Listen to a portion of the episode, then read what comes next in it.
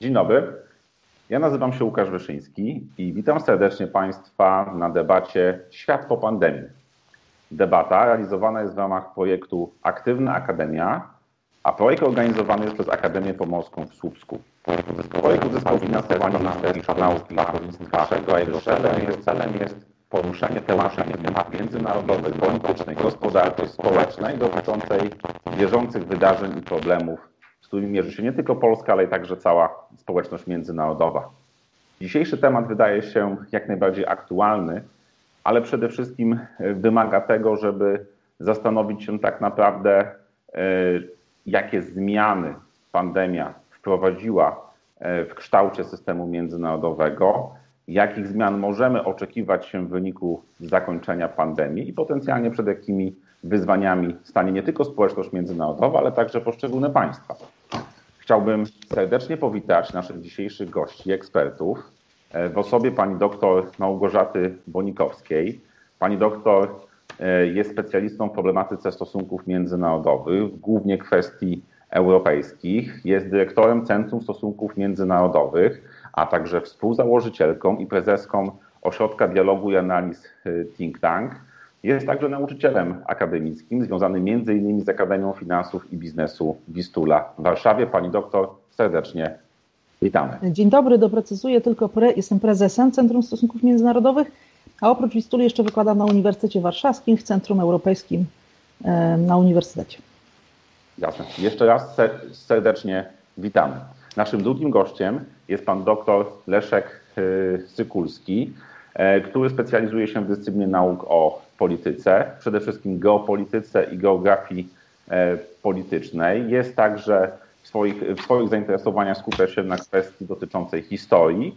Jest również nauczycielem akademickim. Y, w chwili obecnej jest adiunktem w Katedrze Bezpieczeństwa Narodowego Wyższej Szkole Biznesu i Przedsiębiorczości w Ostowcu Świętokrzyskim. Jest założycielem Polskiego Towarzystwa Geopolitycznego, e, także założycielem i redaktorem naczelnika, e, e, redaktorem naczelnym kwartalnika Przegląd Geopolityczny, redaktorem naczelnym portalu Nowej Geopolityki, a obecnie prezesem zarządu Polskiego Towarzystwa Geostrategicznego i redaktorem naczelnym rocznika Geostrategia. Panie doktorze, bardzo cieszymy się, że jest Pan z nami. Dzień dobry Państwu. Szanowni Państwo, przejdźmy jakby do tego, co jest głównym przedmiotem naszej dzisiejszej debaty. E, bardzo często mówi się, że pewne okresy historyczne, epoki, e, okres e, dominacji pewnych państw, imperium zawsze zaczyna się i kończy w pewnym momencie historii. Oczywiście jest to bardzo duże uproszczenie, ponieważ ten cały proces zmian, który jest obserwowany, który prowadzi do zmiany epoki, zmiany hegemona, oczywiście nie następuje z dnia na dzień. To jest pewne, e, pewne można powiedzieć, umówienie się na to, żebyśmy mogli mówić, że o jakieś wydarzenie było katalizatorem albo takim punktem przełomowym. I coraz częściej w przestrzeni medialnej pojawia się sformułowanie, że będziemy mówić o świecie przed pandemią i o świecie po pandemii. E, oczywiście na pewno dzisiaj jeszcze nie jesteśmy w stanie powiedzieć jednoznacznie, kiedy ta pandemia się skończy albo kiedy będzie już pod pełną kontrolą ale chciałbym bardzo Państwa zapytać e, o taką kwestię, czy rzeczywiście będziemy mogli mówić o świecie przed i po pandemią, a jeżeli tak, to jakie zjawiska czy też procesy ta pandemia e, zintensyfikowała, uwidoczniła, a jakie ewentualnie zahamowała e, i spowodowała, że zejdą one na dalszy plan. No mam tu oczywiście na myśli stosunki międzynarodowe i kształt systemu międzynarodowego. E, pani doktor, jak mógłbym oddać Pani głos na początku. Bardzo dziękuję. No to jest y, ogromnie dużo y, zagadnień do poruszenia, bo rzeczywiście ja jestem zwolennikiem takiej tezy, że pandemia może nie tyle y, stanowi jakieś niezwykle wydarzenie ważne samo w sobie, ile jest takim, taką kroplą, która mogła przechylić szale w kierunku przyspieszenia niektórych procesów, które już od dawna się toczyły, ale się toczyły wolno, też nie było jasne, nie było takiego radykalnego przerzucenia wahadła. I ja myślę, że pod tym względem to pandemia spełnia trochę taką rolę jak niestety zamach w Sarajewie, to znaczy uruchamia pewne procesy, które potem się dzieją wręcz nawet bez naszej woli, czasami nawet bez, bez kontroli. Myślę, że też być może, oby, oby pandemia była takim momentem zwrotnym, zastępującym konflikt, zastępującym wojnę, bo do tej pory takie mocne przesilenia w historii zawsze wiązały się jednak z jakimiś bardzo mocnymi turbulencjami, albo rewolucja, albo wojna, duża wojna, wręcz wojna światowa. To nie było nic przyjemnego i to były też wydarzenia, które toczyły się zazwyczaj jakiś czas, kilka lat. I ciężko płaciliśmy za te wydarzenia. Ginęli ludzie. No teraz też można powiedzieć, pandemia jest chorobą, więc też umierają ludzie, ale nie można tego jednak porównać do konfliktu zbrojnego, zwłaszcza gdyby to miał być konflikt w skali globu. Więc pod tym względem może należy się cieszyć, że mamy pandemię, a nie coś innego, ale takie przewartościowania sądzę, że jednak następują. I jesteśmy chyba dzisiaj w stanie w pełni powiedzieć jeszcze, jak, jak podsumować ten okres, bo jesteśmy w jego środku. Cały czas zachowania, z którymi dzisiaj mamy do czynienia, w dużej mierze są to zachowania awaryjne, y, czyli tryb awaryjny włączyliśmy, a nie tryb świata po pandemii. Ten świat postpandemiczny, on nam się dopiero będzie kształtował, ale pewne trendy już widać. I ja mogę króciutko podsumować, no a potem porozmawiamy z panem doktorem, jak on to widzi. Myślę, że pierwsze zjawisko znaczące dla polityki zagranicznej polityki w ogóle, to jest to, że duża część procesów będzie się jednak działała, odbywała online. Y, to nie dotyczy tylko polityki zagranicznej, to dotyczy w ogóle polityki, ale myślę, że duża część z tych elementów zostanie nam, podobnie jak to zostanie też w biznesie. Y, a więc y, mniej spotkań bardzo częstych, bezpośrednich, dużo użycia technologii, pewnie w różnych innych formułach niż to dzisiaj ćwiczymy. To nie musi być zawsze Zoom albo Teams albo tego typu formaty. Na pewno będzie przyspieszenie technologiczne, bo to już widzimy, ale niewątpliwie ta technologia weszła nam bardzo głęboko w życie codzienne polityków i instytucji publicznych. Szczyty unijne się odbywają online. Szczyty między Unią Europejską a Chinami odbyło się online, Indiami odbyło się online. Uzgodnienia polityczne odbywają się często online. Dyplomaci w stosunkach bilateralnych porozumiewają się online. Uczestniczymy w posiedzeniach organizacji, no, Organizacji Narodów Zjednoczonych, wielu innych w sposób zdalny. To ma znaczenie dla praktyki dyplomatycznej, praktyki e, e, prowadzenia pewnych spraw międzynarodowych, ale też ma znaczenie na przykład dla odbiorców zewnętrznych. To są takie zjawiska, jak na przykład, że możemy obejrzeć sobie wszystkie przemówienia wszystkich liderów światowych na Zgromadzeniu Ogólnym Narodów Zjednoczonych, a więc możemy współuczestniczyć jako zewnętrzni obserwatorzy, jako, jako nieaktorzy stosunków międzynarodowych, jako ludzie w pewnych wydarzeniach, do których do tej pory nie mieliśmy dostępu pełnego albo w ogóle nie mieliśmy dostępu. Ja to też obserwuję w świecie think tanków, gdzie ogromnie teraz jest takie otwarcie na debatę o stosunkach międzynarodowych mm, między think tankami poprzez online, co do tej pory nie było robione. Więc to jest bardzo duży obszar, który ja sygnalizuję. Na pewno to nie jest koniec, tylko początek tych procesów, ale one bardzo mocno się zdynamizowały. Za tym idzie oczywiście konsekwencje, to jest drugi punkt, co to oznacza dla naszych zagrożeń dla zagrożeń cyber, cyberbezpieczeństwa i w ogóle dla, dla, dla sfery internetu i bezpieczeństwa, posługiwania się różnymi narzędziami przez internet. No i myślę, że to nabrało dzisiaj, to za, już od jakiegoś czasu było bardzo istotne, ale to dziś to już w ogóle stało się kluczowe. No bo jeżeli już tak ważne decyzje, y, osoby, porozumiewają się za użyciem internetu, za pośrednictwem internetu, no to jakby od razu się rodzi pokusa, żeby móc skorzystać z tej okazji, zwłaszcza jeżeli chcemy nadużyć, tak? jeżeli są podmioty i państwa, instytucje, które chciałyby skorzystać z takiej okazji. Cyberzagrożeń. Oczywiście trzeci wątek to jest e, zwielokrotniona skala, ale też i konsekwencje istnienia przecież wojny informacyjnej, bo my tę wojnę informacyjną mamy, tu można powiedzieć, że jeżeli przynajmniej chodzi o Zachód i Rosję, to my jesteśmy w stanie wojny.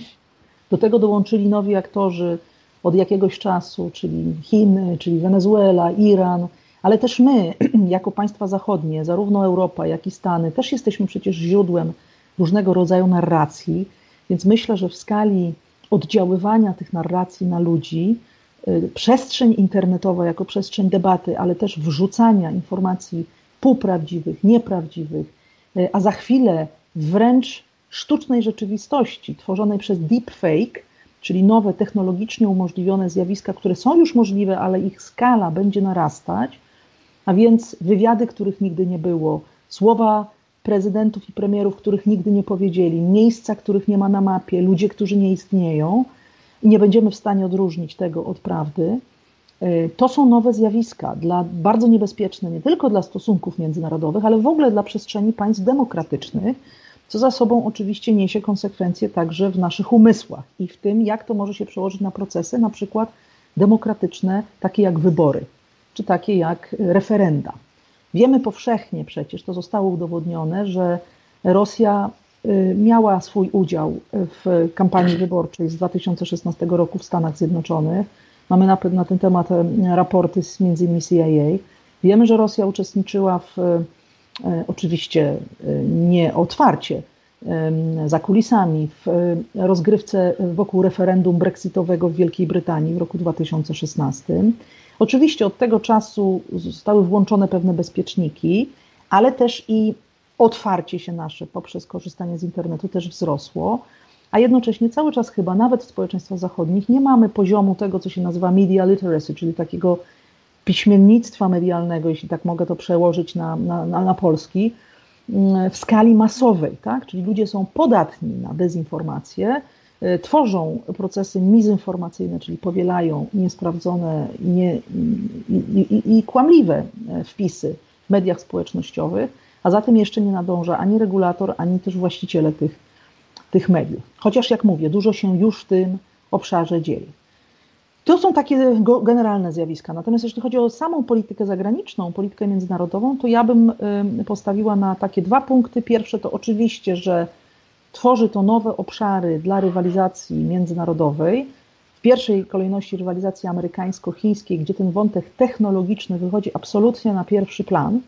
I tak naprawdę, jak dzisiaj parafrazować słowa Billa Clintona, to technology stupid. To jest po prostu to coś, na co Amerykanie dzisiaj muszą zwrócić uwagę. To bardzo poważnie należy rozważyć, na ile Amerykanie są gotowi i na ile nie są już prześcignięci w tej technologii więc być może należy y, zacząć przyglądać się naszej y, wewnętrznej sytuacji w Stanach i w Europie, jeżeli mówimy o tym Zachodzie, i popracować trochę nad tym, żeby wzmocnić ten obszar, żeby nie dać się prześcignąć i żeby nie dać się zaskoczyć też właśnie ze względu na przewagę technologiczną, którą zaczynamy tracić. Mówię to w pierwszej kolejności o Stanach Zjednoczonych, ale to jest również bardzo mocno odczuwalne w Europie, w Unii Europejskiej. Unia Europejska ma takie poczucie, że dała się prześcignąć, że nie jest już źródłem innowacji, że nie jest już źródłem tych procesów również w biznesie, e, w, w, w kreowaniu, a stała się bardziej odbiorcą. A nawet jeżeli coś kreuje, to potem na jakimś etapie traci bardzo dobrym etapem, e, bardzo dobrym przykładem jest Skype, którym się dzisiaj posługujemy, który został urodzony w Europie, ale dzisiaj jest amerykański. Więc to jest wielkie pytanie. I druga rzecz y, dla nas w Europie bardzo istotna to jest pozycja Europy, pozycja Unii Europejskiej w tej międzynarodowej rozgrywce, bo w tej dekadzie to, y, to jest właśnie ta dekada, kiedy mm, Unia Europejska de facto będzie chciała obronić jakoś swoją pozycję i może jej to udać się albo nie. Jest dzisiaj zdecydowanie tym trzecim w polityce. Gospodarczo jest bardzo silnym miejscem. Dalej, to jest bardzo atrakcyjny rynek 440 milionów ludzi, liczę już bez Wielkiej Brytanii Natomiast e, jeśli chodzi o możliwości polityczne, to jest słaba, dlatego że nie jest państwem. E, a ma wokół siebie coraz silniejsze państwa, bo to nie tylko Chiny i Stany Zjednoczone, ale też Rosja, Turcja i cały obszar międzynarodowy. Więc odczuwamy pewien, pewien deficyt w Unii Europejskiej, niemożności szybkiego reagowania. To było też widać w czasie pandemii, kiedy na poziomie wspólnym, unijnym, Y, nie było takich kompetencji po prostu. A z kolei na poziomie krajowym państwa reagowały szybciej lub wolniej, różnie, ale w sposób zupełnie nieskoordynowany. To jest jakaś lekcja, którą odbyliśmy. W związku z tym jakieś wnioski z tego na pewno Unia Europejska będzie chciała wyciągnąć, mówiąc w przestrzeni swojej pozycji globalnej. I ostatnia rzecz, Europa również weryfikuje swoje strategiczne obszary. Zdrowie dzisiaj nabrało znaczenia obszaru strategicznego, myśmy się dopiero teraz zorientowali w Europie, że jesteśmy uzależnieni w niektórych y, typach produktów od dostawców zewnętrznych, zwłaszcza od Chin, także Indii innych producentów, na przykład w farmaceutykach bądź w elementach do produkcji farmaceutyków, czy w sprzęcie medycznym. Myślę, że w tym obszarze bardzo dużo się będzie działo po to, żeby Europa była bardziej samowystarczalna. Nabrało to znaczenia strategicznego, podobnie dzisiaj jak ma to już miejsce w przypadku energii. E, bardzo dziękuję. Znaczy, jestem przekonany, że jakby e, usłyszeliśmy kilka bardzo ciekawych i istotnych elementów, do których na pewno chciałbym jeszcze wrócić i nawiązać i rozwinąć, ale zanim e, wrócimy do pani doktor, to chciałbym poprosić pana doktora Cykulskiego o przedstawienie swojej perspektywy. W sensie geopolitycznym myślę, że pandemia COVID-19 uwypukliła, wzmocniła, skatalizowała E, konflikt hegemoniczny między Stanami Zjednoczonymi a Chińską Republiką Ludową. Myślę, że przyspieszyła zwrot ku Azji, e, który ogłosiła pod koniec 2011 roku Hillary Clinton i w sposób taki bardzo pełny oddała na początku 2012 roku e, w dokumencie Departamentu Stanu. W aspekcie geoekonomicznym myślę, że mamy do czynienia z nową formą globalizacji, czy będziemy mieli y, do czynienia z nową formą globalizacji. Niektórzy mówią o deglobalizacji, choć myślę, że to jest na dziś zbyt daleko idąca teza. Y, moim zdaniem niewątpliwie będziemy mieli do czynienia i już mamy pierwsze symptomy tego ze skracaniem łańcuchów dostaw. Rzeczywiście to, co obserwowaliśmy zarówno na wiosnę 2020 roku, jak i obecnie, E, na jesieni e, pokazuje, że reshoring, jeśli chodzi o przemysł, jeśli chodzi o produkcję przemysłową, lokowanie zakładów przemysłowych w Azji, tam gdzie jest tania siła robocza, czy to będzie, czy to będzie Wietnam, Bangladesz, czy to będzie Chińska Republika Ludowa, czy Indie, w wielu przypadkach okazało się to bardzo błędną polityką, e, która, no i zresztą widzieliśmy, jeśli chodzi o respiratory, jeśli chodzi o sprzęt medyczny, farmaceutyki, że był problem z dostawami. Więc ten trend, który dzisiaj na Zachodzie nazywany jest często nearshoringiem czy reshoringiem, czyli albo powrotem do państwa macierzystego tych zakładów przemysłowych, albo, y, albo właśnie lokowaniem go gdzieś bliżej. Jeżeli chodzi o Wielką Brytanię, to na przykład we Francji, jeżeli chodzi o Polskę, to na przykład na Słowacji i tak dalej, i tak dalej. Myślę, że będzie pewnym, pewnym trendem, który będzie, będzie wyznaczał mm, ten świat pokowidowy, tak to nazwijmy.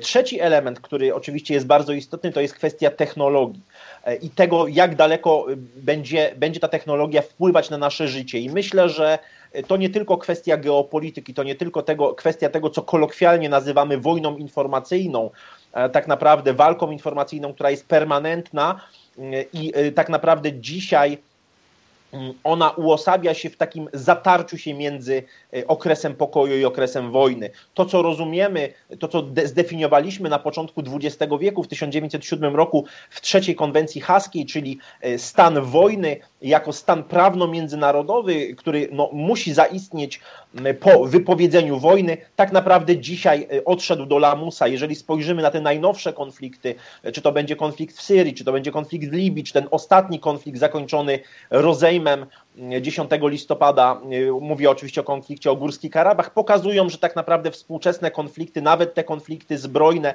y, rozpoczynają się bez wypowiedzenia wojny, a ten aspekt informacyjny, czyli ten, ta, ta obecność w przestrzeni informacyjnej, rozumianej zarówno jako cyberprzestrzeń, ale i szerzej jako noosfera, jako pewna przestrzeń mentalna ludzi, społeczeństw, decydentów, jest szalenie istotny i to w wielu przypadkach tak naprawdę decyduje dzisiaj przewaga przestrzeni mentalnej, w przestrzeni świadomości ludzi, w, percep- w oddziaływaniu na percepcję. Oddziaływanie na percepcję jest o wiele istotniejsze e, częstokroć niż e, sama operacja czysto militarna i myślę, że luty 2014 roku, czyli aneksja Krymu przez Federację Rosyjską, luty i marzec, mówi także o referendum, pokazały dokładnie, że kilkuset e, nieoznakowanych, bez jakby tutaj oznaczeń rozpoznawczych żołnierzy wojsk specjalnych jest w stanie zająć półwysep broniony przez blisko 20 tysięcy uzbrojonych po zęby żołnierzy i marynarzy. To oczywiście nie stało się z dnia na dzień, to nie była kwestia ani przewagi liczebnej, ani przewagi technologicznej, to była kwestia przewagi informacyjno-psychologicznej, tej obróbki informacyjno-psychologicznej, skomplikowanej serii operacji, które, które prowadziły rosyjskie tajne służby e, i pokazało to z całą mocą, jak dzisiaj istotne jest oddziaływanie w info noosferze, rozumianej, tak jak powiedziałem, jako y, synteza y, noosfery i, y, i cyberprzestrzeni. Oczywiście afera Cambridge Analytica, Analytica również pokazała, jak dzisiaj ogromną rolę odgrywa rewolucja 2.0 i myślę, że mm, pandemia COVID-19 uwypukli znaczenie w ogóle cyberprzestrzeni w, i w procesach demokratycznych, ale także w zagrożeniu dla procesów demokratycznych. Ta afera pokazała dokładnie, czym jest jak można wykorzystywać mikrotargeting y, społeczny, mikrotargeting polityczny, pokazała, jak y, bardzo, jak wielkim niebezpieczeństwem są nowoczesne technologie dla systemów demokratycznych. Y, I tutaj pojawia się kolejny problem, kolejna, kolejnym moim zdaniem wyzwanie, szansa i zagrożenie. To są systemy, rozwijające się systemy kontroli społecznej. Widzimy to po przykładzie Chińskiej Republiki Ludowej, która dość szybko sobie, przynajmniej na pozór, poradziła z, z powstrzymaniem pandemii COVID-19, ale pytanie, jakim kosztem? Widzimy, że ten system kredytu społecznego, czy też system zaufania społecznego rozwijany w HRL, no, w sposób niezwykle głęboki, powiedziałbym totalny, ingeruje w wolności osobiste, wolności obywatelskie. Sam fakt sprzedawania, czy też eksportu systemów kontroli społecznej przez Chiny, czy do Afryki, bo nie tylko do Afryki, ale także do Australii, czy do Stanów Zjednoczonych, pokazuje, że mamy do czynienia z taką pokusą bardzo niebezpieczną y, za y, powiedziałbym, zawężania wolności obywatelskich, wolności demokratycznych przez współczesne państwa. I tu pojawia się pytanie, czy współczesne kraje demokratyczne mają realne szanse w takiej twardej rywalizacji, także w infosferze, z krajami autorytarnymi czy z krajami totalitarnymi, które są w stanie w sposób no, głęboki kontrolować swój internet. I tutaj pytanie, czy w tej, w tej dobie y, deglobalizacji nie powstaną osobne strefy, już nie tylko strefy wolnego handlu, tutaj oczywiście nawiązuje do podpisanej umowy z 15 listopada, recept, tak, Regional Comprehensive Economic Partnership, ale w ogóle jeżeli chodzi o funkcjonowanie tych społeczności internetowych, wiemy doskonale, że e, czy to Facebook, czy to Wikipedia, czy, e, czy YouTube nie może funkcjonować w Chińskiej Republice Ludowej. E, mają oczywiście swoje zamienniki, mają i Baidu, i oczywiście i AliExpress, i, i WeChat, i tak dalej, i tak dalej. Natomiast wiemy, że od zeszłego roku również Federacja Rosyjska wprowadziła no, taką zdolność, powiedziałbym, do suwerenizacji internetu. Tutaj w Rosji się używało tego pojęcia resuwerenizacja internetu, czyli zdolność do odcięcia runetu rosyjskojęzycznego internetu od sieci globalnej, a za tym idzie no, takich instrumentów totalnej kontroli nad nad społeczeństwem.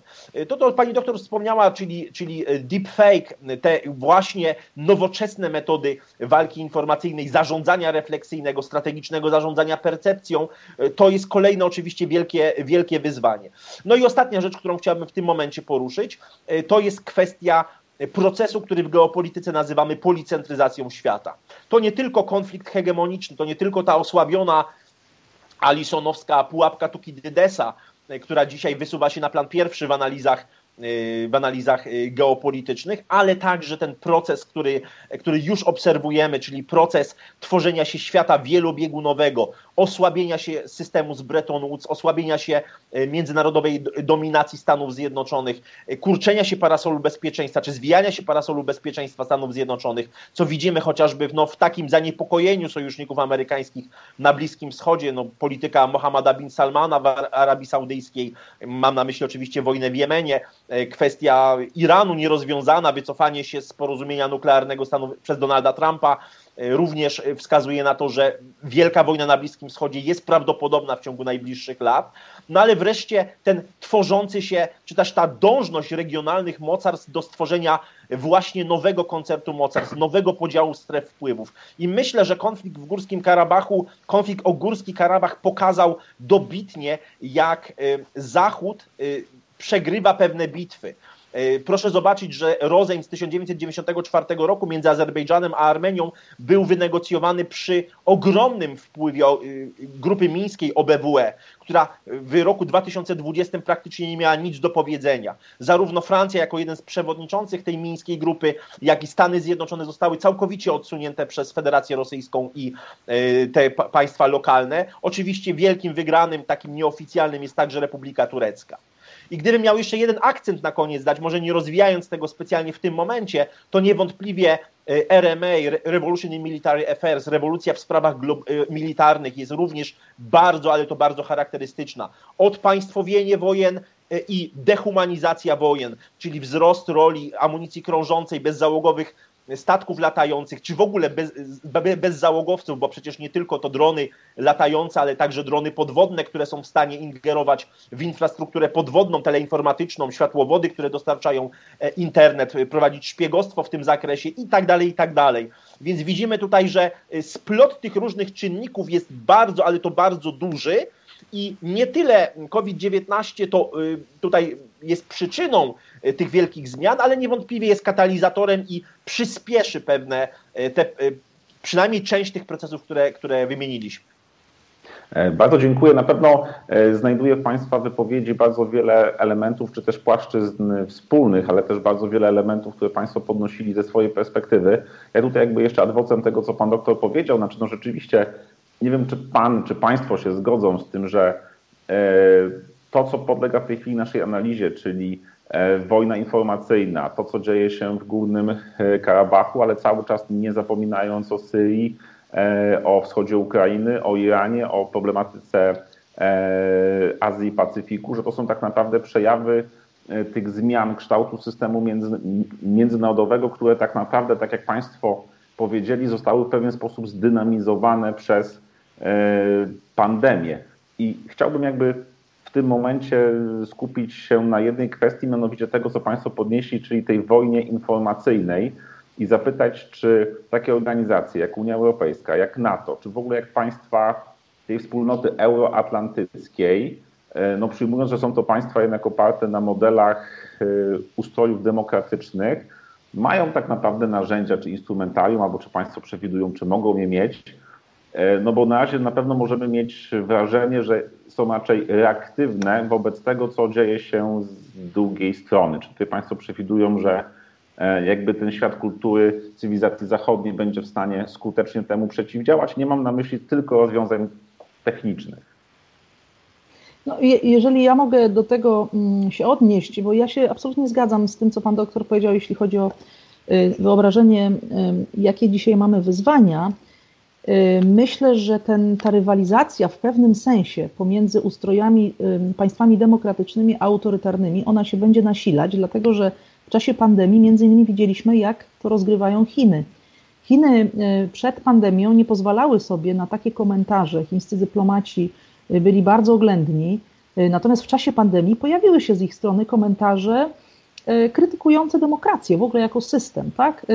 pokazujące, że demokracja się w ogóle nie sprawdza, że w takich momentach właśnie krytycznych nie ma mechanizmów odpowiedzialnego zarządzania w odróżnieniu właśnie do tego, co jest w Chinach, Chiny są tym państwem wzorcowym dzisiaj, a więc z punktu widzenia narracji chińskiej alternatywa została stworzona. Alternatywa została stworzona. Nie trzeba dzisiaj być państwem demokratycznym, żeby mieć możliwość rozwoju, bogacenia się, zapewniania mieszkańcom swoich krajów dobrego życia. W związku z tym y, dla niektórych y, liderów y, w niektórych miejscach na mapie świata jest to bardzo kusząca alternatywa.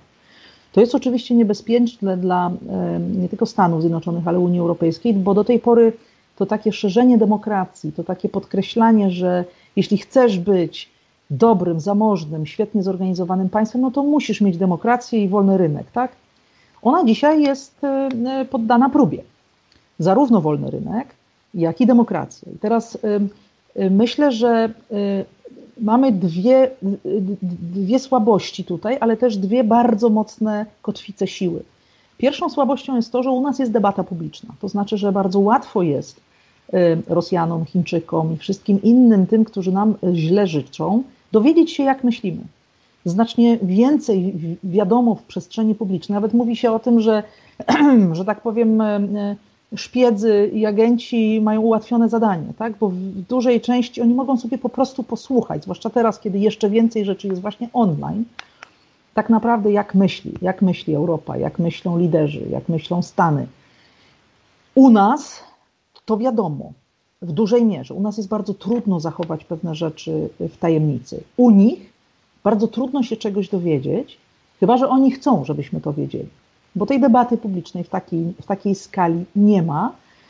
No a poza tym pewne rzeczy w ogóle nie są do tej debaty publicznej e, e, włączane. A druga słabość nasza jest taka, że my nie mamy tej świadomości, takiej strategicznej świadomości, jeszcze chyba tego przełomu. nawet osoby z najwyższej sfery publicznej i politycznej, no, klepią czasami rzeczy bezrefleksyjnie. Dużo wrzucają, nie mają autokontroli, a poza tym no, ta przestrzeń polityczna w, te, w krajach demokratycznych, ona jest niezwykle y, gorąca, ona, y, ciągle są nowi ludzie. Ta debata jest taka vibrant, czyli profesjonalizacja polityki, y, ona wręcz się prosi, aby nastąpiła. Te nasze takie czasami bardzo naiwne hasła i takie wchodzenie do polityki bez przygotowania może być groźne. To są te słabości, ale są też dwa wektory siły. Pierwsza siła to jest właśnie w tej demokracji, to znaczy w tym, że jakby władza i ludzie, oni muszą iść razem, czyli że jeżeli już mamy rzeczywiście sprawną demokrację, to za decyzjami władzy idą obywatele. A więc, że to nie jest zamknięty krąg ludzi władzy, a ludzie myślą różnie w państwach autorytarnych, mogą sobie myśleć swoje, tylko jest taka bardzo silna i oczywiście my musimy budować tą siłę tego porozumienia między rządzącymi a rządzonymi. I w państwach dojrzałej demokracji y, to jest ogromna siła władzy, bo za władzą idą ludzie. Tak? Ta władza nie jest wbrew ludziom, tylko jest z nimi. Ja mówię oczywiście w sytuacjach sprawnej demokracji, bo my mamy dużo dzisiaj problemów y, sami ze sobą, tak? sami ze sobą, jeśli chodzi o to, jak demokracja działa. No a drugim wektorem siły jest obieg idei. Jest to, że właśnie ta dyskusja powoduje, że ludzie się tą ide tymi ideami wymieniają, że jest to twórcze. Bo każdy system autorytarny jest skazany prędzej czy później na to, że, że więdnie, więdnie właśnie przez to, że autorytarni liderzy nie mają dopływu żadnej świeżej myśli, ponieważ system autorytarny prowadzi do tego, że w systemie strachu liderów się odcina od obiegu idei, wręcz mówi się im to, co oni chcą słyszeć. A więc prędzej czy później w dłuższej perspektywie te systemy, ta demokracja, te systemy właśnie otwarte, one mają więcej siły. Pytanie tylko, czy ile czasu mamy, tak? Bo w krótkiej perspektywie, takiej perspektywie właśnie z na przykład zmagania się z pandemią, to rzeczywiście systemy autorytarne mają pewne elementy y, przewagi. Na przykład szybka reakcja, na przykład brak dyskusji, tak? To się przydaje w sytuacjach awaryjnych.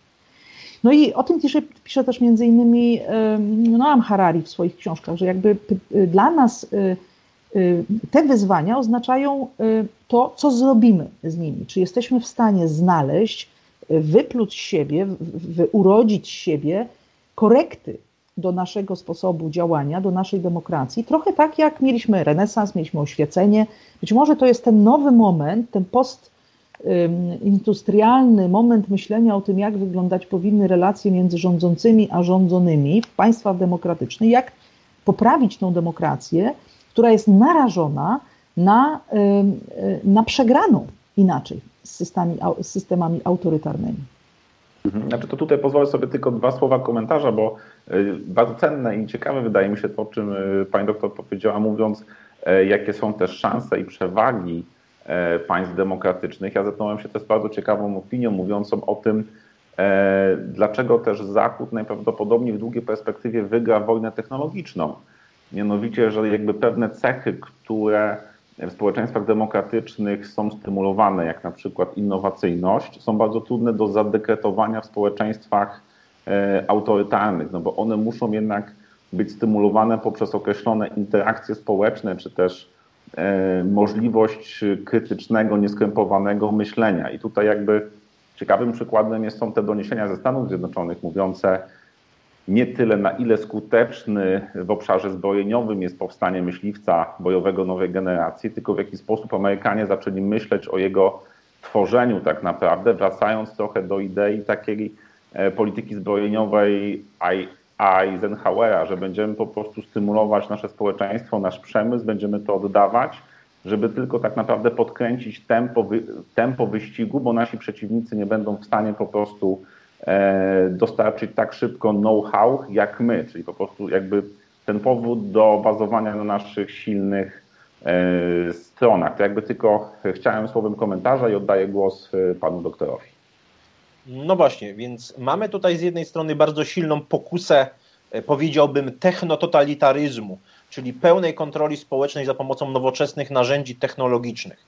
Bo oczywiście nie chodzi tylko i wyłącznie o kontrolę internetu, o kontrolę naszych smartfonów, tabletów, laptopów, ale także głębszą ingerencję, chociażby tę związaną z tym, co się nazywa na Zachodzie rewolucją NBIC, czyli tą związaną z nanotechnologią, e, z, oczywiście z biotechnologią, z informatyką i z kognitywistyką, takim głębokim ingerowaniem, to co Elon Musk nawet nazywa e, integracją e, umysłu z komputerem, ze sztuczną inteligencją, to jakby wybiegając już do, mocno naprzód.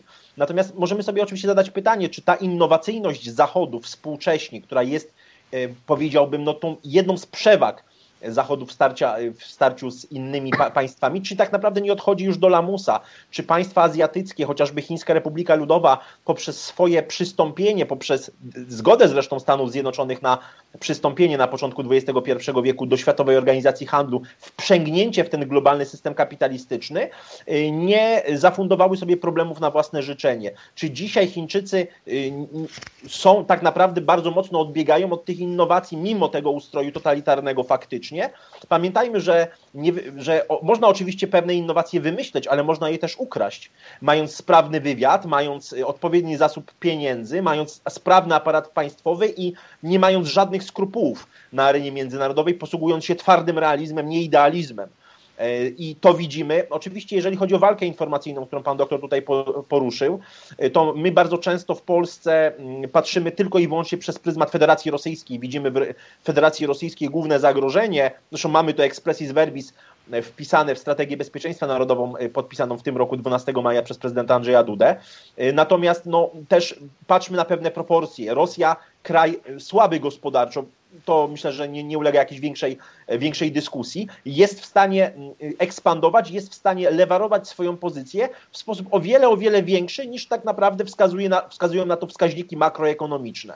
E, I mm, tutaj jeżeli chodzi o tę narrację strategiczną rosyjską, przede wszystkim, jeżeli spojrzymy na lockdown wiosenny z, tego roku, to uwypuklona jest słabość Unii Europejskiej. Przede wszystkim pokazywane jest w tej narracji rosyjskiej, w rosyjskiej propagandzie słabość instytucji Unii Europejskiej. Szczególnie ta narracja była bardzo widoczna, ja ją dosyć, y, mogę powiedzieć, szczegółowo śledziłem pod kątem Włoch, pod kątem tego, co, co było, że tak powiem, otoczką tej pomocy humanitarnej tak, tak ją nazwijmy, którą Federacja Rosyjska wysłała do Włoch. To miało na celu przede wszystkim osłabienie wizerunku Unii Europejskiej jako e, instytucjonalnego słabeusza, bym tak, w te, w te, w te, tak bym to kolokwialnie określił. Ja widzę jeszcze jedną słabość Zachodu, e, szeroko pojętego Zachodu, no ale skoncentrujmy się na Unii Europejskiej i e, chciałbym, żeby to bardzo mocno wybrzmiało w naszej, w naszej debacie. Chodzi o demografię chodzi o przyrost naturalny. I myślę, że tutaj cała cała cywilizacja zachodnia, szeroko ujmowana, ma z tym wielki problem. Bo jeśli zobaczymy na wskaźniki przyrostu naturalnego na świecie, to w pierwszej trzydziestce tak naprawdę są tylko dwa kraje azjatyckie i nie jest to Chińska Republika Ludowa, która również e, wpada w pułapkę demograficzną, w pułapkę polityki jednego dziecka, od której już zresztą odchodzi, ale to jest, to jest pewna pułapka na przyszłość dla, dla Chin i należy ją zawsze tutaj uwzględniać. E, to jest Afganistan i Timor Wschodni. W pierwszej setce państw z najwyższym przyrostem naturalnym nie ma ani jednego państwa Unii Europejskiej, ani jednego państwa europejskiego, jeszcze szerzej patrząc. I w tym kontekście, patrząc na wymierające społeczeństwa zachodnie, no, pojawia się kwestia imigracji, jako łatania pewnej luki, powiedziałbym, pokoleniowej. I pytanie, czy jest to szansa, czy jest to zagrożenie, także w kontekście spoistości, tożsamości kulturowej, tożsamości informacyjnej, czy też odporności informacyjnej na, na problemy które się pojawiają i to jest jakby pytanie otwarte. Tutaj oczywiście są poglądy zwolenników i, i, i przeciwników szerokiej, e, szerokich bram, szerokiej furtki, powiedziałbym, takiej, e, takiej imigracyjnej. E, natomiast ostatnia kwestia, którą chciałbym tutaj poruszyć, to jest kwestia model, modelu gospodarczego. Mówimy bardzo często, że siłą Zachodu jest kapitalizm, jest właśnie ta zdolność do innowacji, jest indywidualizm, postawienie na wolność jednostki. Natomiast ja tutaj widzę bardzo wiele niebezpieczeństw post-covidowych, tak, że tak to określę, a mianowicie zwiększającej się roli państwa, upadających firm, upadających małych i średnich przedsiębiorstw i wzrastającej roli ponadnarodowych korporacji i no powiedziałbym takiego etatystycznego spojrzenia na, na gospodarkę. Więc wcale nie uważam, aby tutaj Zachód był od razu, czy stał na wygranej pozycji e, w tym zakresie. Uważam, że to jest jedna z pułapek, w którą, w którą możemy wpaść jako, jako cywilizacja zachodnia. E, bardzo dziękuję. Znaczy, jeżeli mogę jakby trochę skanalizować, czy też wrócić jeszcze do jednej kwestii, no bo na pewno kiedy myślimy o konfrontacji, czy też y, próbie przebudowania systemu międzynarodowego w oparciu o sprzeczności, które w tym systemie występują, no to w tej chwili najczęściej przywoływana jest rywalizacja amerykańsko-chińska. E, I chciałem się Państwa zapytać, czy Pan doktor o tym y, już trochę wspomniał, o pozycji Rosji, ale także jakie inne państwa w tej, nazwijmy to w tym czasie postpandemicznym, e, będą wpływały może nie tylko i wyłącznie na kształt globalnego systemu międzynarodowego, ale także bardzo silnie będą oddziaływały na pewne regionalne kompleksy bezpieczeństwa czy też e, politykę regionalną. Ja myślę, że z państwami jest trochę w sumie podobnie jak z ludźmi. To znaczy się próbujemy łączyć, dlatego że czujemy bardziej jakieś pokrewieństwo zainteresowań, interesów, sposobów myślenia. ja myślę, że to, co się teraz dzieje, trochę może pójść w tym kierunku, bo nawet żeby jakbyśmy mieli duże deficyty pomiędzy Europą a Stanami Zjednoczonymi, jeśli chodzi o zgodę w niektórych kwestiach, to jednak odczucie bliskości, takiego no, mocnego, trwałego y, związku, ono istnieje. Y, nawet jeżeli Stany Zjednoczone zrobiły ten zwrot ku Azji, ja się zgadzam, że Pacyfik dzisiaj, a nie Atlantyk stanowi dzisiaj ten, tą oś świata. To zresztą dobrze widać na mapach. Jak się weźmie mapę, klasyczną mapę obserwowaną w Azji, w Chinach, gdzie mamy Pacyfik na środku, to rozumiemy też, jakie y, są tutaj centra zależności. Mamy tak naprawdę Chiny i Stany po dwóch stronach Pacyfiku, no i mamy rozgrywkę tak naprawdę, do kogo y, kto się też przyłączy. Mnie się wydaje, że jest coś dzisiaj takiego jak poczucie, że dobrze by było odświeżyć pojęcie Zachodu, bo mówiliśmy przez wiele lat o tym, że jest Zachód, Zachód dominujący i jest też jakaś tam reszta świata, tak? Y, nazywaliśmy ją zazwyczaj y, przez lata krajami rozwijającymi się. No dzisiaj trudno mówić o tym, że Chiny są krajem rozwijającym się w takim rozumieniu, jak mówiliśmy w latach 70. Zresztą Donald Trump też to powiedział. Jeżeli Chiny mają być krajem rozwijającym się, to Ameryka też jest krajem rozwijającym się. Te wszystkie pojęcia się zużyły. Y, I w takim zestawieniu zaczęliśmy odwracać mówienie o tym, że jest Zachód i reszta, na mówienie o tym, że jest bardziej dzisiaj reszta i Zachód. Ale w ogóle pojęcie Zachód dzisiaj stanowi y, kłopot i myślę, że takie odświeżenie tego, co rozumiemy przez świat Zachodu, ono by się nam bardzo przydało, dlatego że dzisiaj oczywiście, jeżeli chodzi o sposoby funkcjonowania państw, no to Zachód to nie jest pojęcie geograficzne, tylko to jest pojęcie bardziej polityczne. Uznajemy za państwa zachodnie, uznajemy Japonię, uznajemy y, Australię, uznajemy Nową Zelandię, więc to nie jest termin geograficzny. Natomiast y, jest kłopot z tym, gdzie tak naprawdę i cze, czym dzisiaj Zachód jest związany, co go wiąże. Bo na przykład autonomia strategiczna, czyli ten dyskomfort odczuwany przez Europę wobec Stanów Zjednoczonych w ostatnich kilku latach, może prowadzić do decyzji, że dystansujemy się od siebie. Tymczasem wydaje się, że w takich, w takich trudnych dzisiaj zmaganiach i właśnie ta rywalizacja amerykańsko-chińska w pewnym sensie narzuca trochę inne myślenie o tym, z kim idziemy i dlaczego idziemy, to z kolei e, nadrzędne rzeczy wiążą Europę ze Stanami Zjednoczonymi. Co wcale nie znaczy, że Europa ma ochotę na e, skonfliktowanie się z Chinami. Bo oczywiście Europa chciałaby być jednym z ważnych rozgrywających w multilateralnym świecie, tak? Ostatnią rzeczą, którą byśmy chcieli z punktu widzenia europejskiego, to jest powrót do bipolarnego układu sił, gdzie mamy Stany i Chiny i one ze sobą rywalizują, tak jak to miało miejsce w czasie zimnej wojny kiedy my mieliśmy Stany Zjednoczone i Związek Radziecki. Natomiast y, y, wydaje się, że y, kluczem do tego jest zdefiniowanie, jakiego rodzaju zależności i wartości łączą państwa na całym globie. I takim świetnym przykładem do takiej analizy mogą być Indie. Dlaczego? Dlatego, że jak spatrzymy na Indię, no to to jest właśnie po pierwsze największa demokracja świata.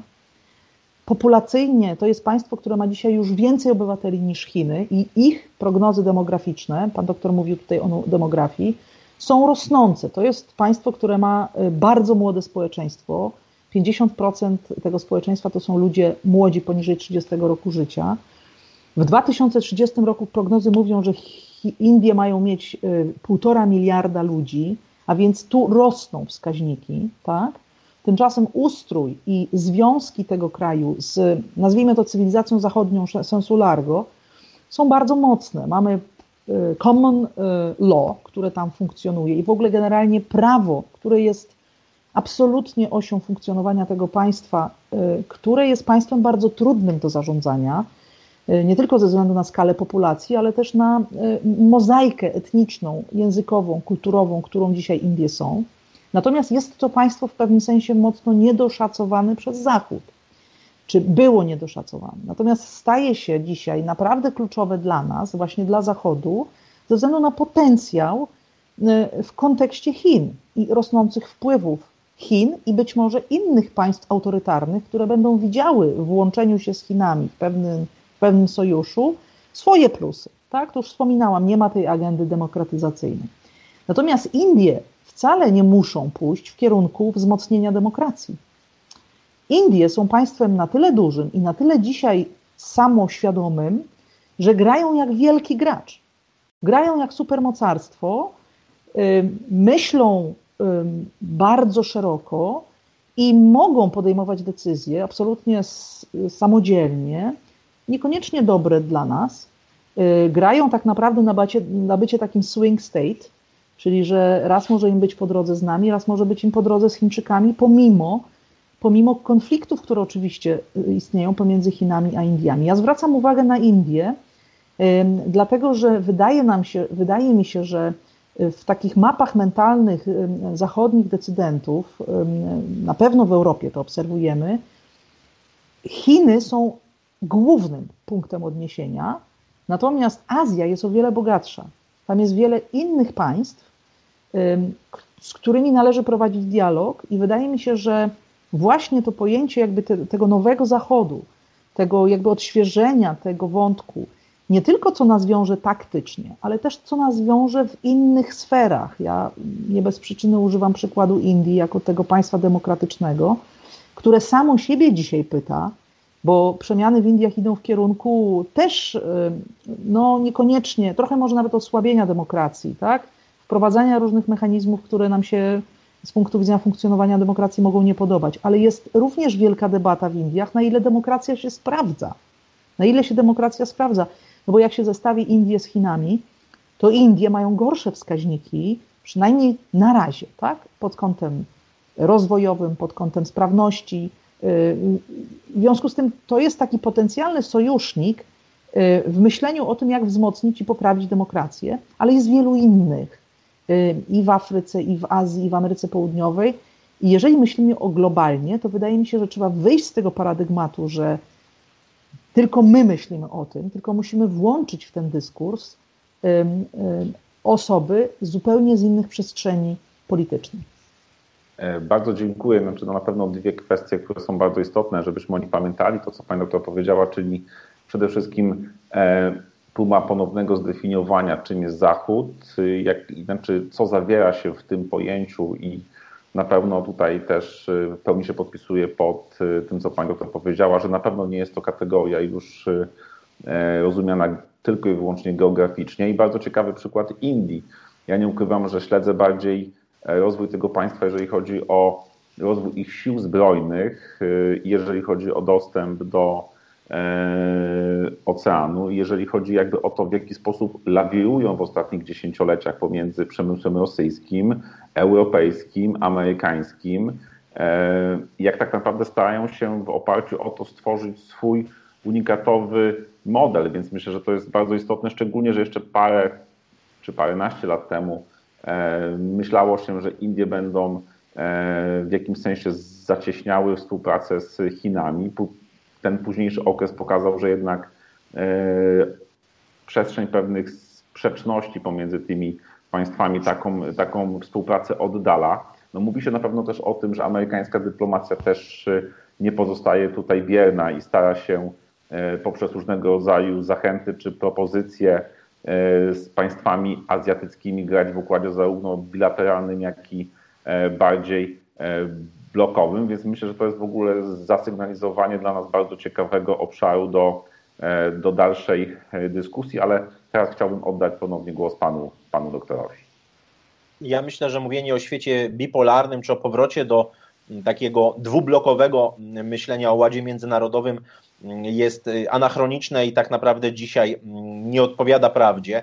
Mimo tego, że jesteśmy świadkami stworzenia największej strefy wolnego handlu na świecie, obejmującej ponad 2 miliardy 200 milionów ludzi, no to na uwagę absolutnie mm, zasługuje y, i podkreślenie, i należy podkreślić brak Indii właśnie w tym, w tym porozumieniu tych 15 państw, ale także sama, sama porażka partnerstwa transpacyficznego Stanów Zjednoczonych. Jednak to wycofanie się e, Donalda Trumpa na początku 2017 roku z tej idei właśnie TPP e, pokazało, że Stany Zjednoczone dzisiaj wpadają w to, co Joseph Nye nazwał pułapką Kindlebergera, czyli mają już ten deficyt w możliwości dystrybucji dóbr publicznych, takich jak bezpieczeństwo, czyli muszą ograniczać, muszą się decydować na obecność w konkretnych rejonach świata no, kosztem innych regionów.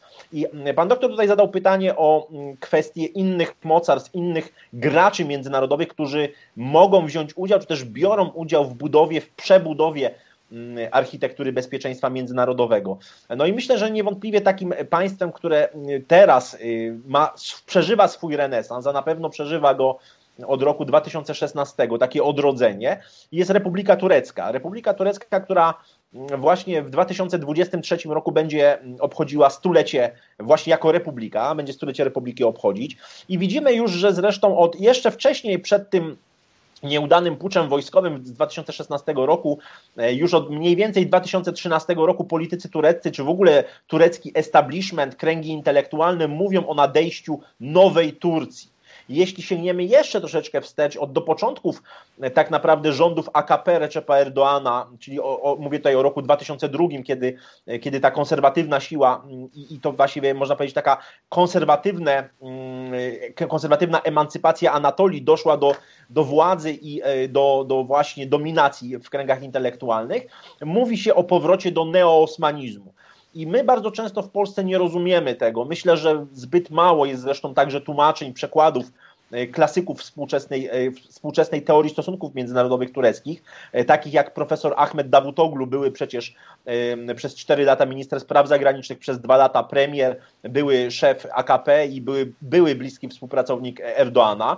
E, który bardzo ciekawie opisał tę strategię turecką w roku 2001 w swojej książce pod tytułem e, Głębia strategiczna. I to myślę, że może być bardzo interesujące i inspirujące dla ludzi Zachodu, ponieważ e, Dawutoglu wyszedł od takiej konstatacji, że Turcja jest dzisiaj słabsza niż była w okresie Imperium Ottomańskiego w sensie geograficznym. Nie posiada tej głębi strategicznej w znaczeniu fizyczno-geograficznym. Ale to jest bardzo ciekawa narracja, którą tutaj stosuje Davutoglu. Uważa, że we współczesnym świecie, gdzie właśnie infosfera jest tak silna, można zdobyć, zbudować sobie głębię strategiczną poprzez wpływy cywilizacyjne, poprzez wpływy kulturowe, poprzez oddziaływanie w przestrzeni mentalnej, e, poprzez odpowiednią politykę gospodarczą, no chociażby ekspandowanie e, kapitału tureckiego w Azji Środkowej jest tego świetnym, namacalnym wręcz, e, wręcz dowodem. Widzimy tą ekspansję firm budowlanych, rozbudowę infrastruktury logistycznej w Azji Środkowej dzięki kapitałowi tureckiemu i to pokazuje, że można dzisiaj zupełnie inaczej myśleć o pewnych kategoriach strategicznych, o których w dobie zimnej wojny myśleliśmy zero-jedynkowo, czy w takich kategoriach twardej siły. E, zatem pojęcie samodzielności strategicznej Europy, czy samodzielności strategicznej Unii Europejskiej, moim zdaniem powinniśmy rozpocząć od tego, czym jest dzisiaj właśnie Zachód. Co rozumiemy pod względem aksjologicznym, pod względem wartości. Myślę, że od tego, oczywiście druga kwestia to są kwestie gospodarcze, trzecia kwestia to są kwestie polityczne, ale myślę, że nie uciekniemy od tej, tej próby zdefiniowania, y, czym w, zakresie aksjologii jest, y, jest Zachód. I oczywiście kwestia nowych czynników, które będą decydowały o tym kształcie ładu międzynarodowego. No to jest między innymi rewolucja technologiczna, to jest rewolucja energetyczna, to jest kwestia przyszłości zielonego ładu, to, to jest kwestia zmian klimatycznych, to jest kwestia w związku z rozwojem technologicznym i ze zmianami klimatycznymi otwarcia się nowych Y, obszarów rywalizacji. I myślę, że takim obszarem rywalizacji niewątpliwie są obszary polarne. Przede wszystkim, jeżeli chodzi o najbliższą dekadę czy dwie dekady, y, Arktyka, no ale także w przyszłości Antarktyda, czy szerzej Y, Antarktyka. Widzimy zresztą w tym roku decyzja parlamentu Argentyny o y, takim powiedziałbym jednostronnym przyłączeniu y, miliona siedmiuset tysięcy kilometrów kwadratowych Antarktyki do Antarktydy, co już znamionuje tak naprawdę nowy wyścig. Tak naprawdę tutaj można powiedzieć, że intelektualiści i decydenci argentyńscy posłużyli się trochę narracją rosyjską, mówiącą o przedłużeniu grzbietu właśnie będącego pod, pod, wodą. Mówimy tutaj o grzbiecie Łomonosowa i tych, i tych y, powiedziałbym tak, roszczeniach rosyjskich do miliona kilometrów kwadratowych Arktyki, no ale to także nowe drogi, przecież nowe szlaki y, transportowe, w przyszłości y, szlaki handlowe, przejście północno-wschodnie, przejście północno-zachodnie, północna droga morska już dzisiaj jest włączona właściwie od pięciu lat do projektu chińskiego polarnego jedwabnego szlaku. Zatem mamy do czynienia z otwarciem się nowych pól rywalizacji. No i nie byłby to obraz pełny, gdybyśmy jeszcze nie powiedzieli o kosmosie, o tym nowym, wielkim wyścigu zbrojeń, który się rozpoczął. Widzimy te y, bezzałogowe misje, które dzisiaj na Marsa w tym roku zostały rozpoczęte, czy to chińską, czy Zjednoczone Emiraty Arabskie. To oczywiście nowa era w podboju kosmosu w Stanach Zjednoczonych, program Ilona Muska, Dragon X i tak dalej, i tak dalej. Więc tutaj zaledwie chciałbym poruszyć pewne rzeczy. No i last but not least, oczywiście to jest Federacja Rosyjska. Myślę, że Rosja nie jest tak słaba i nie jest tak silna, na jaką wygląda, parafrazując słowa Otto von Bismarcka. Myślę, że mm, Rosja, rosyjscy strategzy będą starali się grać na właśnie takiego, na takie swing state, jak pani doktor tutaj stwierdziła, czyli taką właśnie e, politykę wielowektorową stosować, e, wykorzystując swoją dywidendę geograficzną y, wynikającą z położenia geograficznego. Z punktu widzenia interesu Polski, czy w ogóle Unii Europejskiej, myślę, że Pewnym zagrożeniem byłaby próba wprowadzenia w życie y, odwróconego manewru Nixona, czyli próba mm, wprowadzenia takiej strategii w polityce zagranicznej Stanów Zjednoczonych, która miałaby na celu przyciągnięcie Federacji Rosyjskiej no, w celu właśnie wzmocnienia tej y, swojej siły w konfrontacji z Chińską Republiką Ludową. Myślę, że próba powtórzenia tego manewru z lat 70. i tego manewru Nixona i właściwie późniejszego manewru Cartera byłaby z pewnego rodzaju niebezpieczna w kontekście rysującego się nowego koncertu mocarstw, y, czyli poświęcenia interesów małych i średnich państw, takich jak obszar Trójmorza, właśnie na, na ołtarzu interesów wielkich mocarstw, ale niewątpliwie o tym powinniśmy również e, rozmawiać, bo jest to jeden z ważnych elementów współczesnej debaty strategicznej. E, znaczy, bardzo dziękuję na pewno jakby za nakreślenie e, tych wszystkich pól, czy też przestrzeni, które będą wpływały na kształt systemu międzynarodowego, a w tej chwili są obszarem rywalizacji, których tak naprawdę jeszcze dotychczasowej rozmowie nie wymieniliśmy ja tutaj jakby pozwolę się skupić na tej kwestii, którą pan doktor podniósł, czyli zarówno biegun północny, jak i południowy i nie tylko znaczenie e, potencjalnie w długiej perspektywie gospodarczej, nie, tylko dotyczące złóż, które znajdują się pod dnem morskim, ale także znaczenie, to co pan doktor podkreślił, północnej drogi morskiej, jako, no można powiedzieć, próba wybicia głównie Amerykanom tej przewagi strategicznej związanej z kontrolą kluczowych dróg, dróg morskich. No ale także nie można zapominać o tym, co w tej chwili dla Rosji jest jednym z atrybutów jej, jej pozycji, czyli no jednak utrzymanie pewnych zdolności do e, wykorzystania broni masowego, rażenia. No i tutaj wiemy, że ten biegun północny będzie odgrywał strategiczne znaczenie zarówno dla Rosji, jak i dla e, Stanów Zjednoczonych, ale na pewno też w tym, co i pani doktor, i pan doktor mówili wcześniej, no, przejawia się jakby perspektywa europejska w kontekście tych wyzwań dotyczących czy to e, niekorzystnych trendów demograficznych, czy tego, o czym Pan doktor teraz wspominał, że no jakby, że, e, że jakby nasz kontynent europejski może być rozpatrywany także jako mniejsze regiony, które no coraz częściej widzimy, że mają inną perspektywę i mogą być tak naprawdę inaczej traktowane przez wielkich e, graczy. I chciałem się Państwa zapytać o dwa elementy. Po pierwsze, czy Państwa zdaniem Europa, a może bardziej konkretnie Unia Europejska, e, prawidłowo zareagowała i reaguje w czasie pandemii na to, znaczy na samo wyzwanie, e, to co Pani doktor podnosiła, medyczne, które na pewno stanie się jednym z kluczowych, ale z drugiej strony, czy Unia Europejska Państwa zdaniem po zakończonej pandemii, w kontekście tych wszystkich wyzwań, które udało się nam zarysować, wyjdzie silniejsza i gdzie powinna ewentualnie swoich szans szukać, pani doktor? E, dziękuję. Ja myślę, że mm, ta perspektywa oczywiście europejska, e, ona, my jesteśmy nią obciążeni. To jest perspektywa, która nie musi się pokrywać z perspektywą, którą widzą Amerykanie. E, na pewno nie musi się z perspektywą e, e, Indii czy Indonezji pokrywać, czy krajów takich jak Meksyk, jak mówimy o całym globie. I ja myślę, że to trzeba uwzględnić, dlatego że dzisiaj Europa nie jest głównym rozgrywającym i też pewne procesy, my musimy, my musimy się też dostosowywać do pewnych procesów, a nie jesteśmy w stanie narzucać przebiegu zdarzeń. Świetnym przykładem jest Afryka. My tutaj nie mówiliśmy do tej pory o Afryce w ogóle, Natomiast z punktu widzenia y, lokalizacji Europy, kontynent afrykański jest dla nas niezwykle istotny. To z niego y, y, idą migracje, a ten kontynent, raz, że demograficznie jest kontynentem ludzi młodych, przyrost naturalny w Afryce jest bardzo dobry.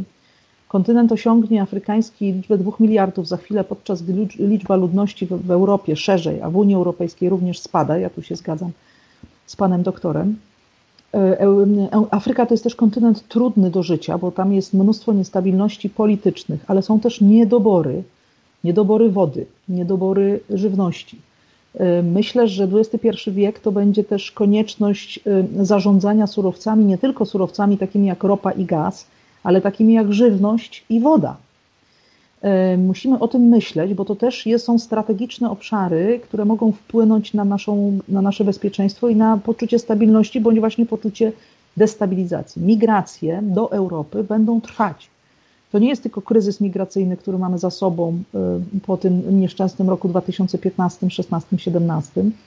Wcześniej nawet przed 2015 roku, kiedy liczba nieregularnej migracji do Europy wzrosła do miliona rocznie, myśmy mieli tą migrację nieregularną na poziomie 100 tysięcy. Ona będzie się utrzymywać i być może będzie rosła bez względu na to, co zrobimy. Właśnie głównie z Afryki i z Bliskiego Wschodu, z naszego najbliższego sąsiedztwa. Więc jak myślimy o tym, e, jak Europę wzmocnić, to nie możemy myśleć też tylko o sobie. My musimy brać pod uwagę te procesy, które się toczą wokół nas, a to wokół nas jest dzisiaj globalne. To nie jest tylko nasze najbliższe sąsiedztwo. Więc to jest pierwsza sprawa, jeśli chodzi o to, te rozważania, jak wzmocnić Europę, czy wzmocnić zwłaszcza Unię Europejską, która rzeczywiście, i tu się zgadzam z Panem, ona dzisiaj przechodzi przez taki punkt krytyczny.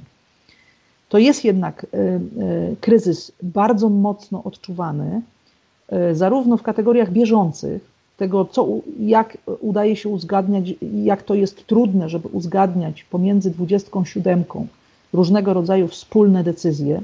Część rzeczy się udaje, część rzeczy się uzgadniać nie udaje. I w polityce zagranicznej Unia Europejska jest permanentnie oskarżana o to, że e, jest słaba, nie zabiera wspólnego stanowiska. Nawet jest oskarżana o to, że ma podwójne standardy, tak? że jest pełno retoryki, pełnej frazesów o równości, o wartościach, o demokracji. A jak przychodzi co do tego, to rozmawiamy, rozmawiamy z, z Erdoganem, który bynajmniej demokratycznym przywódcą w jego stylu sprawowania władzy nie jest, no bo musimy, bo jest nam potrzebny, żeby podpisać umowę dotyczącą zabezpieczenia granicy grecko-tureckiej itd., tak itd. Tak Przykładów można mnożyć. Natomiast y, y, myślę, że jakby Unia Europejska zauważa to, że ten kryzys jest naprawdę poważny i głęboki. I to jest taki moment, który ja bym nazwała momentem Lincolna w Stanach Zjednoczonych. Powszechnie się dzisiaj mówi o momencie hamiltonowskim dla Unii Europejskiej i to jest też prawda, to znaczy, że e, Aleksander Hamilton to był ten z ojców założycieli Stanów Zjednoczonych, który uwspólnił dług tak, po wygranej wojnie o niepodległość i po tworzeniu, wtedy kiedy tworzono zręby, podwaliny do Stanów Zjednoczonych, i teraz też mamy dokładnie to samo, czyli mamy e, chęć i możliwość uwspólnienia długów pomiędzy krajami Unii Europejskiej po to, żeby zarówno no, dać odpór konsekwencjom, negatywnym konsekwencjom kryzys, pandemii w, w sferze gospodarczej i społecznej również, bo boimy się wzrostu bezrobocia, boimy się właśnie tego, że niektóre firmy upadną, więc potrzebne są nam środki na najbliższe kilka lat, żeby to zwalczyć, ale jednocześnie to jest ten moment hamiltonowski, który daje nam bardzo mocne podstawy poprzez uwspólnienie długu do budowania jedności krajów unijnych, do związania ich na wiele lat. E, no, my mamy spłacać je według założeń nawet w roku 2058. To jest bardzo długa perspektywa. Ale jednocześnie na to właśnie się nakłada to, co ja bym nazwała momentem Lincolna, czyli chęcią secesji, chęcią odsuwania się takiej fragmentacji Unii Europejskiej, dlatego że sprzeczność interesów wielu państw, no nie chodzi tylko o Polskę i Węgry, ale y, jest takie odczucie, że coraz trudniej w sytuacji trudnej dla Unii, bo dla Unii Europejskiej czasy, które mamy dzisiaj, nie są dobrymi czasami. Y, to są czasy zawirowań, to są czasy powszechnego poczucia zagrożenia, y, takiego niebezpieczeństwa zarówno z zewnątrz, jak i z wewnątrz, bo mamy ataki terrorystyczne, bo mamy powszechną, powszechny jakiś taki kryzys trochę, no właśnie tego demokratycznego funkcjonowania państw, a więc jest bardzo dużo pytań, a mało odpowiedzi. I ten moment Lincolna to jest nic innego jak moment, w którym Unia Europejska może pójść w różne strony. Może pójść w stronę, że nam się uda obronić Unię i tej, tę koncepcję projektu europejskiego jako projektu chęci pozostawania we wspólnym, we współzależności, we współzależności bo z tym mamy do czynienia bez utraty suwerenności, ale te współzależności będą się pogłębiać. Niektórzy mogą odczuwać to jako jakby zmniejszenie możliwości działania suwerennych państw, członków Unii Europejskiej. Ale może się to nie udać w całym gronie 27. Już jeden moment krytyczny mieliśmy, czyli Brexit już zostaliśmy poddani testowi na demokrację, no bo Brexit to jest dowód na to, że demokracja działa w Unii Europejskiej, bo był możliwy. No ale z drugiej strony jest to osłabienie, niewątpliwie, projektu europejskiego i jest to precedens. Y, być może takich form, dokładnie w takim samym sposobie, jak to miało miejsce z Wielką Brytanią, takich exitów nie będzie. Ale możemy sobie wyobrazić, że ten projekt się nam rozjedzie i ja myślę, że y, przypomnijmy, no, y, Lincoln i wojna secesyjna to jest pięć lat niezwykle brutalnych, trudnych zmagań.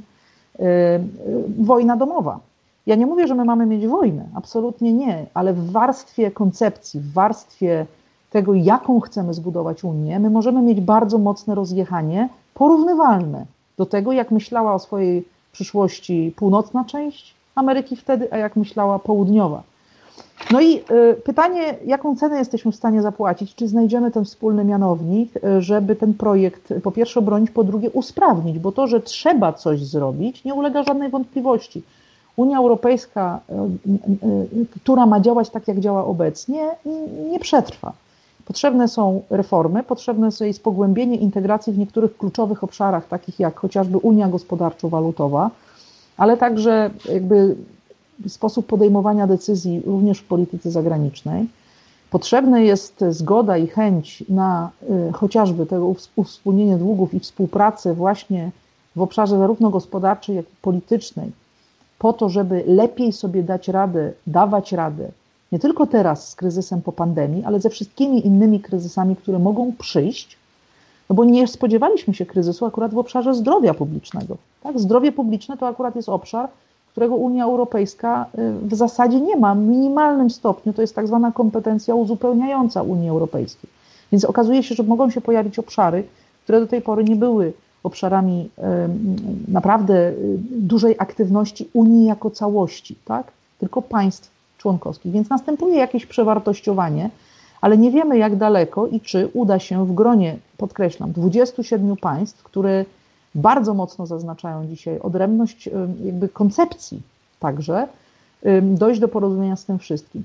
A na koniec tylko chcę powiedzieć, że oczywiście z perspektywy 100 lat do przodu, to pamiętajmy, że Abraham Lincoln jest uważany dzisiaj za najwybitniejszego prezydenta Stanów Zjednoczonych w historii. Amerykanie są co do tego zgodni w plebiscytach, które są organizowane. Lincoln wygrywa. Dlaczego? No bo udało mu się obronić Unię. Przypłacił to własnym życiem, udało mu się obronić Unię, krótkiej perspektywie tego nikt nie wiedział. W długiej perspektywie to się opłaca, oby się opłacało także nam. Dziękuję bardzo i oddam głos panu doktorowi. No, pytanie, czy dzisiaj mm, Unię Europejską stać na samodzielność strategiczną, czy droga do samodzielności strategicznej, rozumianej jako zdolność do samodecydowania, czy wyznaczania celów e, długofalowych i ich, realizacji, może się odbywać w ramach tej, no, użyję tego określenia, adopcji strategicznej. Mam na myśli tę wspólnotę transatlantycką, ale która tak naprawdę polega na podporządkowaniu na wielu polach, na wielu przestrzeniach interesów europejskich, interesom amerykańskim czy interesom szeroko pojętym atlantyckim. Dzisiaj tę debatę obserwujemy zarówno w Paryżu, jak i w Berlinie, stąd te między innymi napięcia między e, między Waszyngtonem a oboma stolicami, o których wspomniałem. To jest pytanie także o przyszłość NATO. Dzisiaj widzimy i nie możemy tego pomijać milczeniem, że mamy do czynienia z wieloma rysami na mm, powiedziałbym, na spójności Sojuszu Północnoatlantyckiego. I to nie chodzi tylko i wyłącznie o kwestię konfliktu amerykańsko-tureckiego, o politykę Erdoana po 2016 roku, roku politykę resetu z Rosją, y, referendum z 2017 roku i oczywiście wzmocnienie władzy prezydenckiej kwestia sporu między Francją a Turcją pod kątem zaangażowania tureckiego w Libii, e, podziału, tutaj powiedziałbym także delimitacji granicy na Morzu Śródziemnym, to oczywiście stary spór turecko-grecki i tak dalej, i tak dalej. Widzimy tych sporów dużo wiele, natomiast oczywiście jest pytanie dzisiaj fundamentalne, w jaki sposób będzie wyglądał mm, ewentualnie użycie, zastosowanie artykułu 5 Traktatu Waszyngtońskiego w przypadku ewentualnego kinetycznego konfliktu chińsko, e, chińsko-amerykańskiego, w jaki sposób zachowają się sojusznicy europejscy Stanów Zjednoczonych, którzy jak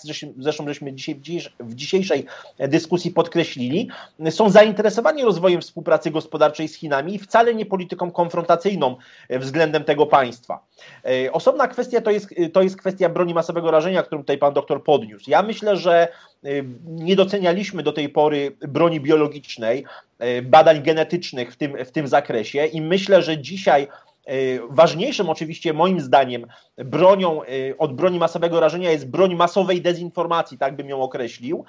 Niemniej jednak fakt odporności E, sanitarnej, zdolności państwa do radzenia sobie nie tylko z kryzysami takimi jak kryzys wirusologiczny, bakteriologiczny, ale chociażby radiacyjny, bo warto tutaj podkreślić, że, mm, że y, na przykład narracja rosyjska, czy też rosyjska propaganda starała się podbić ten efekt strachu aż do poziomu paniki poprzez nagłaśnianie kwestii chociażby pożaru wokół Czarnobyla. Były także e, wpuszczane w e, polską infosferę informacje o awarii reaktora w Świerku e, pod Warszawą. W związku z tym tutaj kwestia reagowania państwa na tego typu zagrożenia dzisiaj absolutnie, absolutnie wysuwa się na plan pierwszy i to nie liczba czołgów, nie liczba samolotów, ale zdolność państwa do radzenia sobie z kryzysami niezbrojnymi, odporność państwa w zakresie ochrony ludności cywilnej i obrony cywilnej staje się moim zdaniem pierwszorzędnym wyznacznikiem przygotowania państwa do radzenia sobie z, nowo, z nowoczesnymi zagrożeniami. E, kolejna kwestia to jest kwestia Afryki. Cieszę się, żeśmy poruszyli ten temat. Myślę, że ta, ten problem afrykański, jak w soczewce, pokazuje um, zmienianie się wektorów w polityce międzynarodowej. Ja miałem przyjemność e, kilka lat temu um, gościć jako profesor wizytujący w Kamerunie na jednym z uniwersytetów. Rozmawiałem z przedstawicielami elit finansowych um, tego państwa, z przedstawicielami oczywiście środowiska akademickiego także i oni pokazywali, bar, uwypuklali bardzo mocno ten czynnik nieangażowania się kapitału chińskiego e, we wszelkiego rodzaju spory ideologiczne, etniczne, religijne, nieingerowanie w kwestie systemów prawnych, kwestie systemów politycznych. I jeśli zobaczymy, że dzisiaj kapitał chiński dokonuje tak naprawdę w cudzysłowie, ale myślę, że ten cudzysłów to jest taki trochę na wyrost, neokolonizacji afrykańskiej, ale nie ideologicznej, nie aksjologicznej, ale kapitałowej, to wielka tutaj przewaga Chińczyków właśnie w tym kontekście y, nieangażowania się, nie narzucania, nie, wy, nie wymagania takiej, powiedziałbym, y, przyswajania y, matrycy cywilizacyjnej, matrycy kulturalnej, a te kredyty chińskie są tak naprawdę dawane z punktu widzenia pewnego wyrachowania gospodarczego. I myślę, że tutaj jest kwestia do przemyślenia. E, do przemyślenia to, czy w naszej świadomości strategicznej nie popełniliśmy błędów, czy ta ślepa wiara w koniec historii i w to, że od początku lat 90. spora część elit decyzyjnych, nie tylko w Polsce zresztą, uwierzyła w koniec historii i w to, że na zasadzie konwergencji e, pozostałe części świata, no właśnie takie jak Azja Południowo-Wschodnia, Azja Wschodnia, Afryka będą dostosowywały się do modelu zachodniego y, liberalnej demokracji, czy nie było to błędem? No moim zdaniem było to błędem i dzisiaj, y, i dzisiaj tak naprawdę Europa traci, traci tutaj wiele, wiele pól, wiele, wiele aktywów w polityce międzynarodowej. I oczywiście kwestia zasobów naturalnych. Myślę, że tym zasobem, który dzisiaj bardzo mocno lekceważymy, koncentrując się na węglowodorach, na energetyce odnawialnej, jest woda. Myślę, że tutaj i zarówno Chińczycy, jak i bliski, cały Bliski Wschód, jak i spora część Afryki subsaharyjskiej będzie miała z tym ogromny problem. To jest także kwestia nowych zasobów naturalnych, takich jak nowe pierwiastki, które będą potrzebne w energetyce, chociażby he, e, izotop helu, HEL3 e, i tutaj wielkie, wielkie nadzieje część mocarstw wiąże z górnictwem kosmicznym, z wykorzystaniem księżyca chociażby w tym zakresie. Natomiast to także pytania o sztuczną inteligencję, o sposoby regulowania tej, tego wielkiego obszaru sztucznej inteligencji. Dzisiaj widzimy, że nie tylko Unia Europejska, ale wiele państw na świecie były w dużej mierze bezbronnych wobec takiego zagrożenia, jakim było zagrożenie właśnie epidemiczne, a co będzie wraz ze wzrastającym zagrożeniem ze, ze strony sztucznej inteligencji, z autonomicznością podejmowania decyzji, chociażby w infosferze przez sztuczną inteligencję, czy nie będzie to groziło nową, nowy, nowymi konfliktami międzynarodowymi? No myślę, że to jest także pytanie, pytanie otwarte. E, to szanowni Państwo, jak mogę, e, jakby nawiązać do, do jednego elementu, o którym Pan doktor wspomniał i zapytać Państwa, no bo kiedy mówimy o broni masowego e, rażenia, mamy na myśli broń atomową, broń chemiczną, biologiczną e, i czy uważają Państwo, że e, wywoływanie, czy możliwość wywoływania oddziaływania na zdrowie publiczne poszczególnych państw, regionów, czy też nawet w skali globalnej może stać się kolejnym narzędziem próbą wpływania na kształt systemu międzynarodowego, podobnie jak dzisiaj rozważamy cyberprzestrzeń czy wojnę informacyjną? Szczerze powiem, nie wiem. Nie jestem specjalistą w tym zakresie, ale wydaje mi się, że będzie na pewno poszukiwanie jakichś nowych form dominacji niż tylko takie zagrożenia konwencjonalne. Tu pan doktor dużo o tym wspominał. Ja się zgadzam, że nie, nie musimy mieć dzisiaj wojny w rozumieniu klasycznym, czyli że musimy się spodziewać, że ktoś na nas najedzie. Możemy mieć y, atak cybernetyczny, który nas odetnie od prądu. To może być równie, równie skuteczne y, zamorzenie funkcjonowania państwa. Y, więc zdrowie może być jednym z takich obszarów, aczkolwiek jest to broń obosieczna, bo jak wiadomo, nad wirusami też trudno potem panować i kontrolować skutków rozprzestrzeniania się takich, takich broni. Ale ja myślę, że w ogóle y, ten XXI wiek wymaga weryfikacji pewnych naszych y, y, takich stałych, które mamy zakorzenione w sposobie myślenia. My w większości jesteśmy urodzeni w XX wieku, liderzy polityczni, eksperci są wykształceni, urodzeni w XXI wieku, w XX wieku, a mamy już wiek XXI, więc pojawiają się zjawiska, pojawiają się fenomeny, których my w ogóle nie mamy przemyślanych, nie mamy zanalizowanych skutków Y, wchodzenia na rynek, y, y, do obiegu zupełnie nowych form działania, nowych form też zagrożeń. I myślę, że trzeba po prostu brać sobie, zdawać sobie sprawę z tego, że nasze kryteria myślenia, nasze mapy mentalne, pojęcia, którymi się posługujemy i cała edukacja, którą odebraliśmy, może być niewystarczająca do ogarnięcia umysłem i jeszcze mądrych decyzji w wyniku tego, że próbujemy opisywać procesy, których opisać po prostu jeszcze nie potrafimy. Więc ta nieprzewidywalność, ta kompletna niemożność powiedzenia te, y, tego, jak w XXI wieku może się potoczyć rzeczywistość ze względu na skalę no, i nowych rzeczy, które dzisiaj mamy, y, ona jest też zagrożeniem samym w sobie dla naszych umiejętności odpowiadania na konsekwencje tych zjawisk. Jeżeli iPhone został wprowadzony w roku 2007 zarówno na rynek, czyli smartfony to jest fenomen ostatnich 13 lat, A Facebook, który istnieje też niedługo, dwie dekady, dzisiaj jest, posługuje się Facebookiem 2 miliardy 700 milionów ludzi, to pokazuje, jak bardzo trudno jest prognozować świat za 20 lat, bo mogą się pojawić rzeczy, instrumenty, także broń, o której dzisiaj nie, ma, nie mamy pojęcia. Tak samo jak wiemy, że pojawią się zawody y, w sferze zawodowej, których nigdy nie było i których jeszcze nawet dzisiaj nie ma. Bardzo trudno jest w związku z tym powiedzieć, jak powinniśmy na to reagować, ale jedno to, co powinniśmy, na co powinniśmy się przygotować, to na to, że będą nowe zjawiska, na których przemyślenie, opisanie możemy nie mieć czasu. Więc wydaje mi się, że samo to w sobie już jest wyzwaniem, y, które, y, które jest nowe. Bardzo dziękuję, panie doktorze. Ja myślę, że to, co nazywamy umownie bronią genetyczną, jest niebezpieczne i e, oczywiście rodzi ze sobą wiele niebezpieczeństw. E, ten nurt intelektualny, no bardzo szeroki, e, który, nazywa, który się nazywa transhumanizmem, czy nawet posthumanizmem, który postuluje bardzo, no powiedziałbym, znaczącą ingerencję w naturę ludzką, mm, wyposażanie jej nie tylko przecież w narządy bioniczne, wszelkiego rodzaju protezy, no ale także neurofarmaceutyki, także e, ingerencję genetyczną, także powiedzielibyśmy taką może nawet nową neoeugenikę, no jest pewnym, jest oczywiście bardzo poważnym zagrożeniem, trudnym tak naprawdę dzisiaj do oszacowania jego, jego skala i też zgadzam się z tym, że może być to absolutnie broń obosieczna.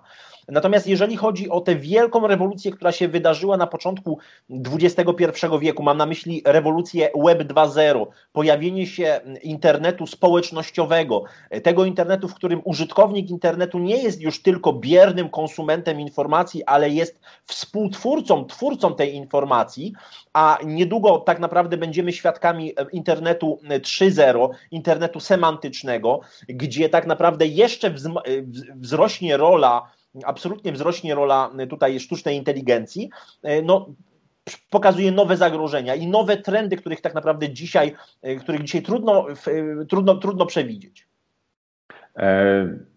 Panie doktorze, szanowni państwo, zbliżamy się powoli do końca naszej rozmowy.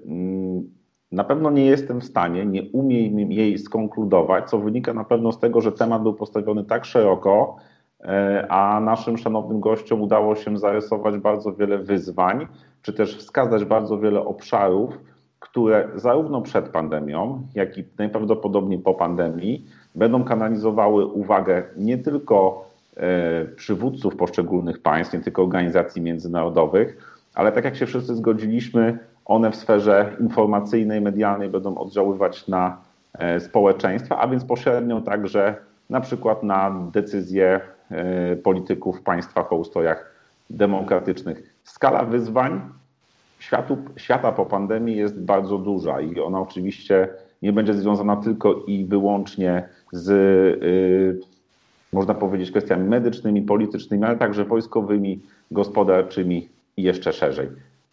Pani doktor, panie doktorze, to był zaszczyt, że byliście Państwo z nami.